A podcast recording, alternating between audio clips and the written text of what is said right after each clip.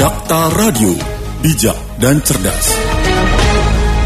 Rekan Dakta kita akan masuk dalam ulasan media pagi hari ini bersama dengan wartawan senior sekaligus penulis buku autobiografi Cahya Gunawan. Ulasan media. Assalamualaikum selamat pagi Pak Cahya.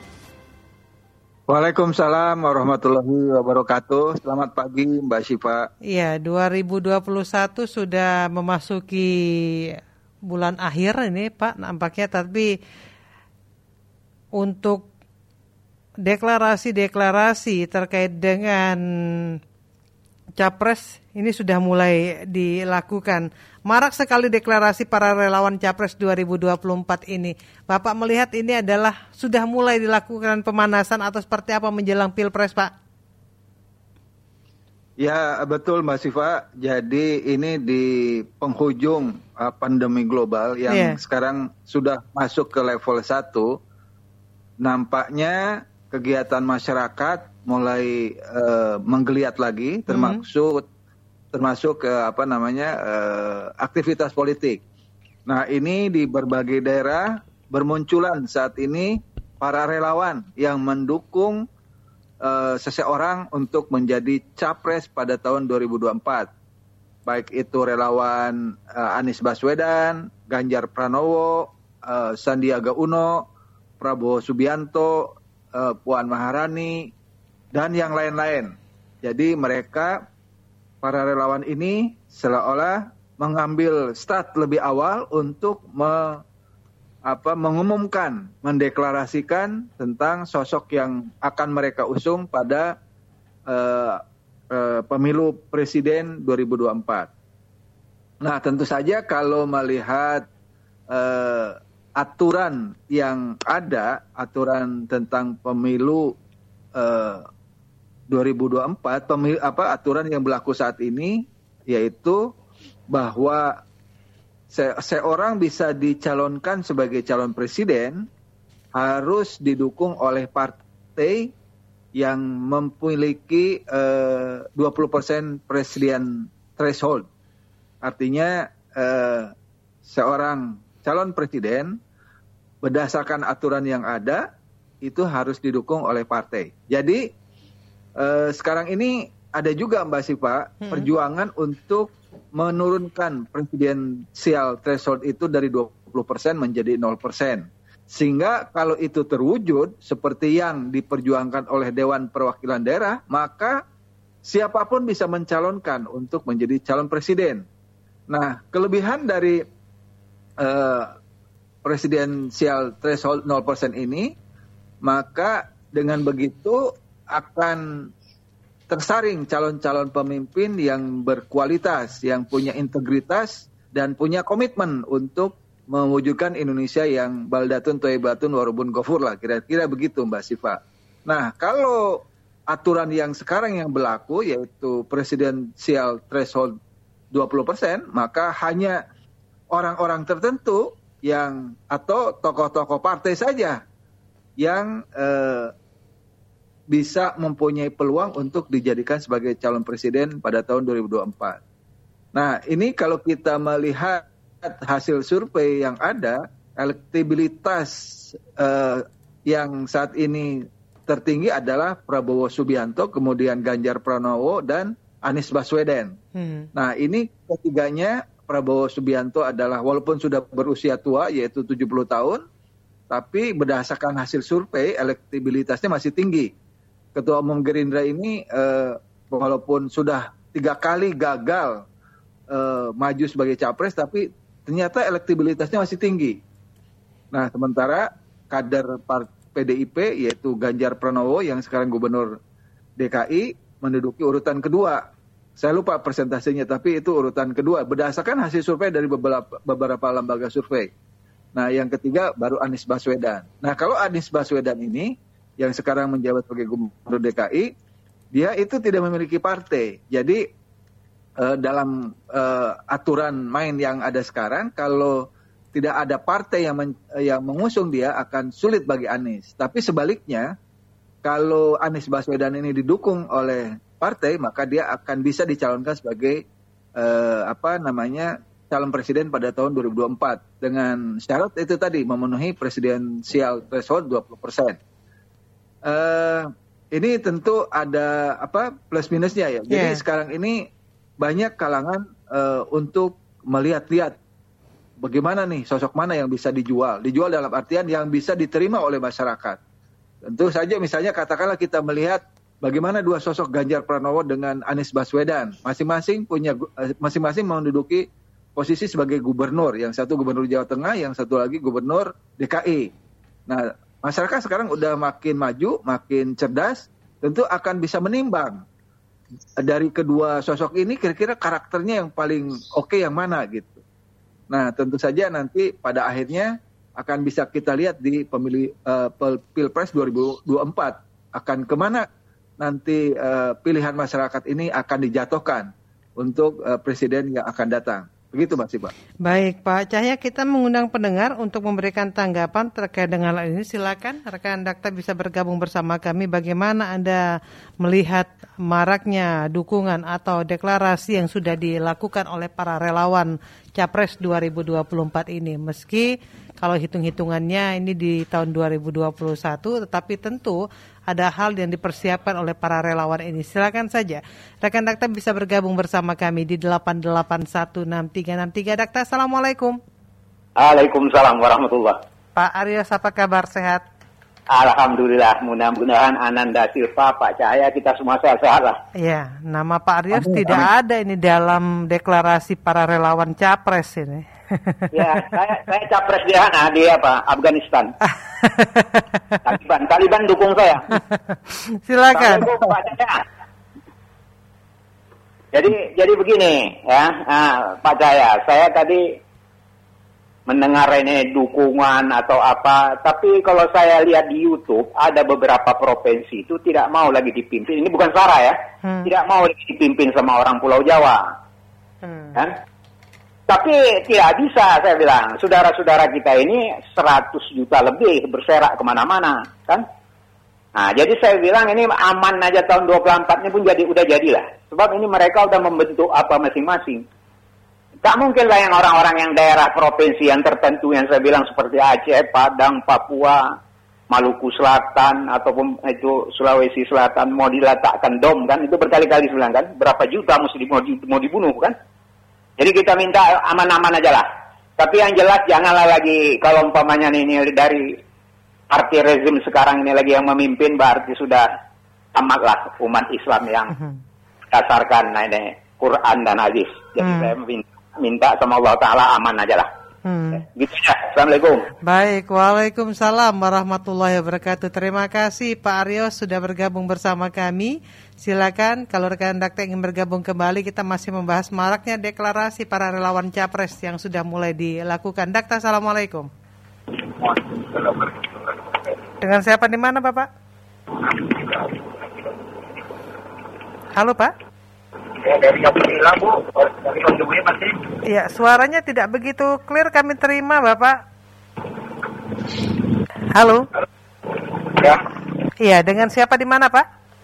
Abu Dila, Bu. Lagi Abu Dila, ya. Tetap berhati-hati di perjalanan, Bapak silakan. Memang lagi meriah, ya, kalau kita tuh siapa pun jadi presiden, kami yang ngomong tidak sama rakyat, ya hmm. yang selama ini oleh sekarang ini terlalu banyak penipuan itu loh. Oke. Okay. Kedua, kalau bisa pemilu ini ya jur, jurdil itu ya harus diterapin, jangan cuma apa wasit jadi pemain juga. Iya. yeah. Ke mana-mana ini kok rezim sekarang ini kok kecurangannya kok di depan mata kok tapi nggak ada di publik gitu. Hmm. Laporan mana gitu. Loh. Hmm. Saya juga nggak setuju juga gitu. Kita nggak usah yang jual tapi yang kelihatan begitu. Yeah. dapatnya misalnya 500 jadinya 100 itu nggak benar ini. Baik. Kejujuran itu yang kita paling berjudi yeah. presiden nggak apa-apa. Yang penting selama dia memihak rakyat kita dukung. Baik Pak Abudillah. Waalaikumsalam warahmatullahi wabarakatuh. Abu Dila terima kasih sudah bergabung bersama kami Pak Cahya, Pak Arios tadi menyoroti tentang uh, di luar Pulau Jawa. Lalu Abu Dila, siapa pun jadi presiden, kalau pihak berpihaknya ke rakyat, nampaknya rakyat akan mendukung. Tapi kalau melihat rezim sekarang ini, nampaknya rakyat malah banyak ditipu. Pak Abu Dila juga menyoroti tentang pelaksanaan pemilu atau pilpres harus jujur dan adil ini betul-betul diterapkan. Jangan wasit justru menjadi pemain, Pak Cahya. Uh, ya betul Mbak Siva. Jadi memang seperti dikatakan Pak Arios, mungkin ada sebagian uh, rakyat Indonesia yang sudah bosan dengan uh, kemunculan pemimpin negeri ini yang hanya dari Pulau Jawa. Hmm. Yang dari pulau, luar Pulau Jawa mungkin antara lain yang nggak sampai uh, presiden sih seperti Pak JK kan dari Makassar dia yeah. sampai mentoknya sampai wakil presiden hmm. di zaman SBY maupun di awal uh, periode pertama Pak Jokowi.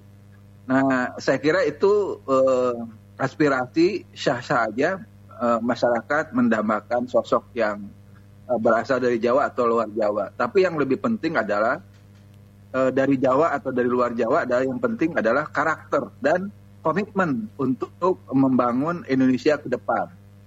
Nah, terkait dengan uh, apa Pak Ubadiah tadi, jadi saya kira memang kalau melihat kinerja pemerintah sekarang, rakyat banyak yang kecewa, bahkan sebagian marah dengan uh, perilaku para pejabat sekarang. Misalnya dalam kasus uh, uh, COVID-19, ada diduga dua menteri di bawah Jokowi yaitu Menteri Luhut Bin Sarpanjaitan dan Erick Thohir yang diduga terlibat dalam uh, bisnis PCR. Jadi mereka yang membuat kebijakan, mereka pula yang menentukan harga karena mereka terlibat dalam uh, uh, diduga terlibat dalam bisnis PCR ini. Jadi ini wasit merangkap sebagai pemain, penguasa merangkap sebagai pengusaha. Nah hmm. ini tentu uh, banyak mengecewakan, me, apa mere, sangat mengecewakan masyarakat gitu kan. Sangat mengganggu rasa keadilan masyarakat.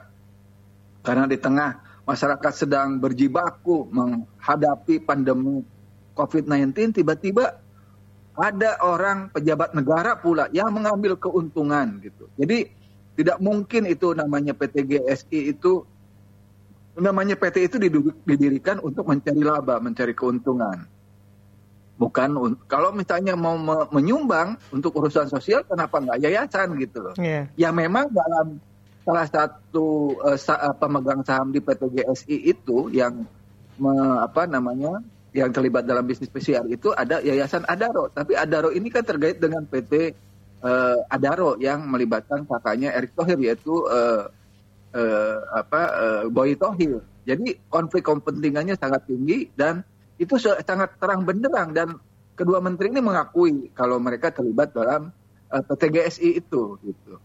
Nah, kembali lagi kepada uh, maraknya uh, gerakan relawan yang mendukung calon-calon uh, presidennya untuk 2024, saya kira itu sesuatu yang sah-sah aja di dalam alam demokrasi. Ya, apa nama masing-masing uh, masyarakat menginginkan, mengidolakan uh, sosoknya untuk bisa maju dalam uh, pilpres tahun 2024. Jadi pada akhirnya nanti uh, proses seleksi itu akan ditentukan dalam pemilu presiden. Nah selanjutnya seperti Pak Ubedillah katakan tadi, jujur dan adil itu seharusnya tidak hanya dalam slogan hmm. dan kata-kata, tapi betul-betul jujur dan adil dalam pelaksanaan pemilu itu dilaksanakan di lapangan. Jangan sampai banyak kecurangan, banyak tipu-tipu. Nah, itu yang harus diawasi betul gitu. Jadi fungsi badan pengawas pemilu itu harus betul-betul optimal. Jangan sekedar namanya aja. Kita tahu di berbagai omongan obrolan warung kopi bahwa seorang calon kepala daerah, calon presiden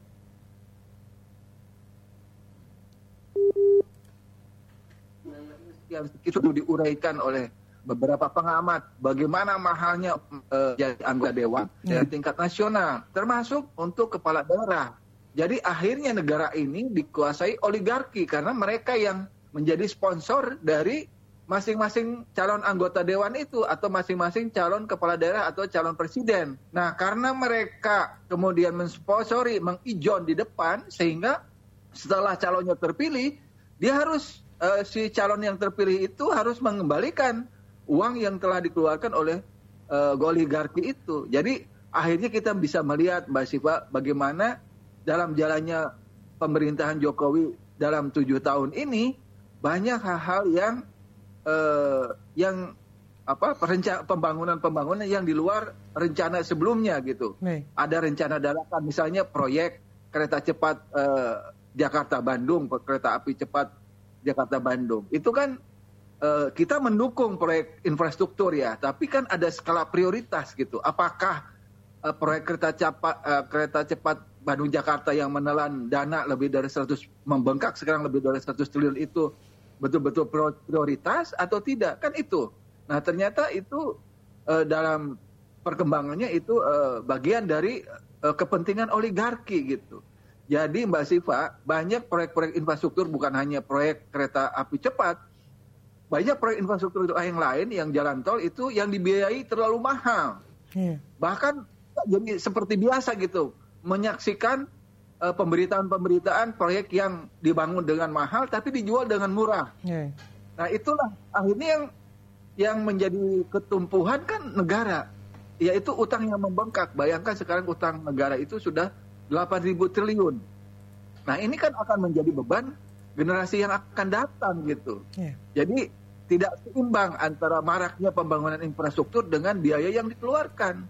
Jadi biaya yang seharusnya misalnya cukup 50 ribu, tapi ternyata dimodalin sampai 100 ribu. Karena yang dicari bukan efisiensi, tapi utang. Nah, di balik semua itu, di balik proyek-proyek itu ada namanya, apa namanya, ada cashback, uang proyek, komisi, dan segala macam. Jadi memang ini korupsi, ujung-ujungnya adalah praktek korupsi yang terjadi marak di semua level, Mbak.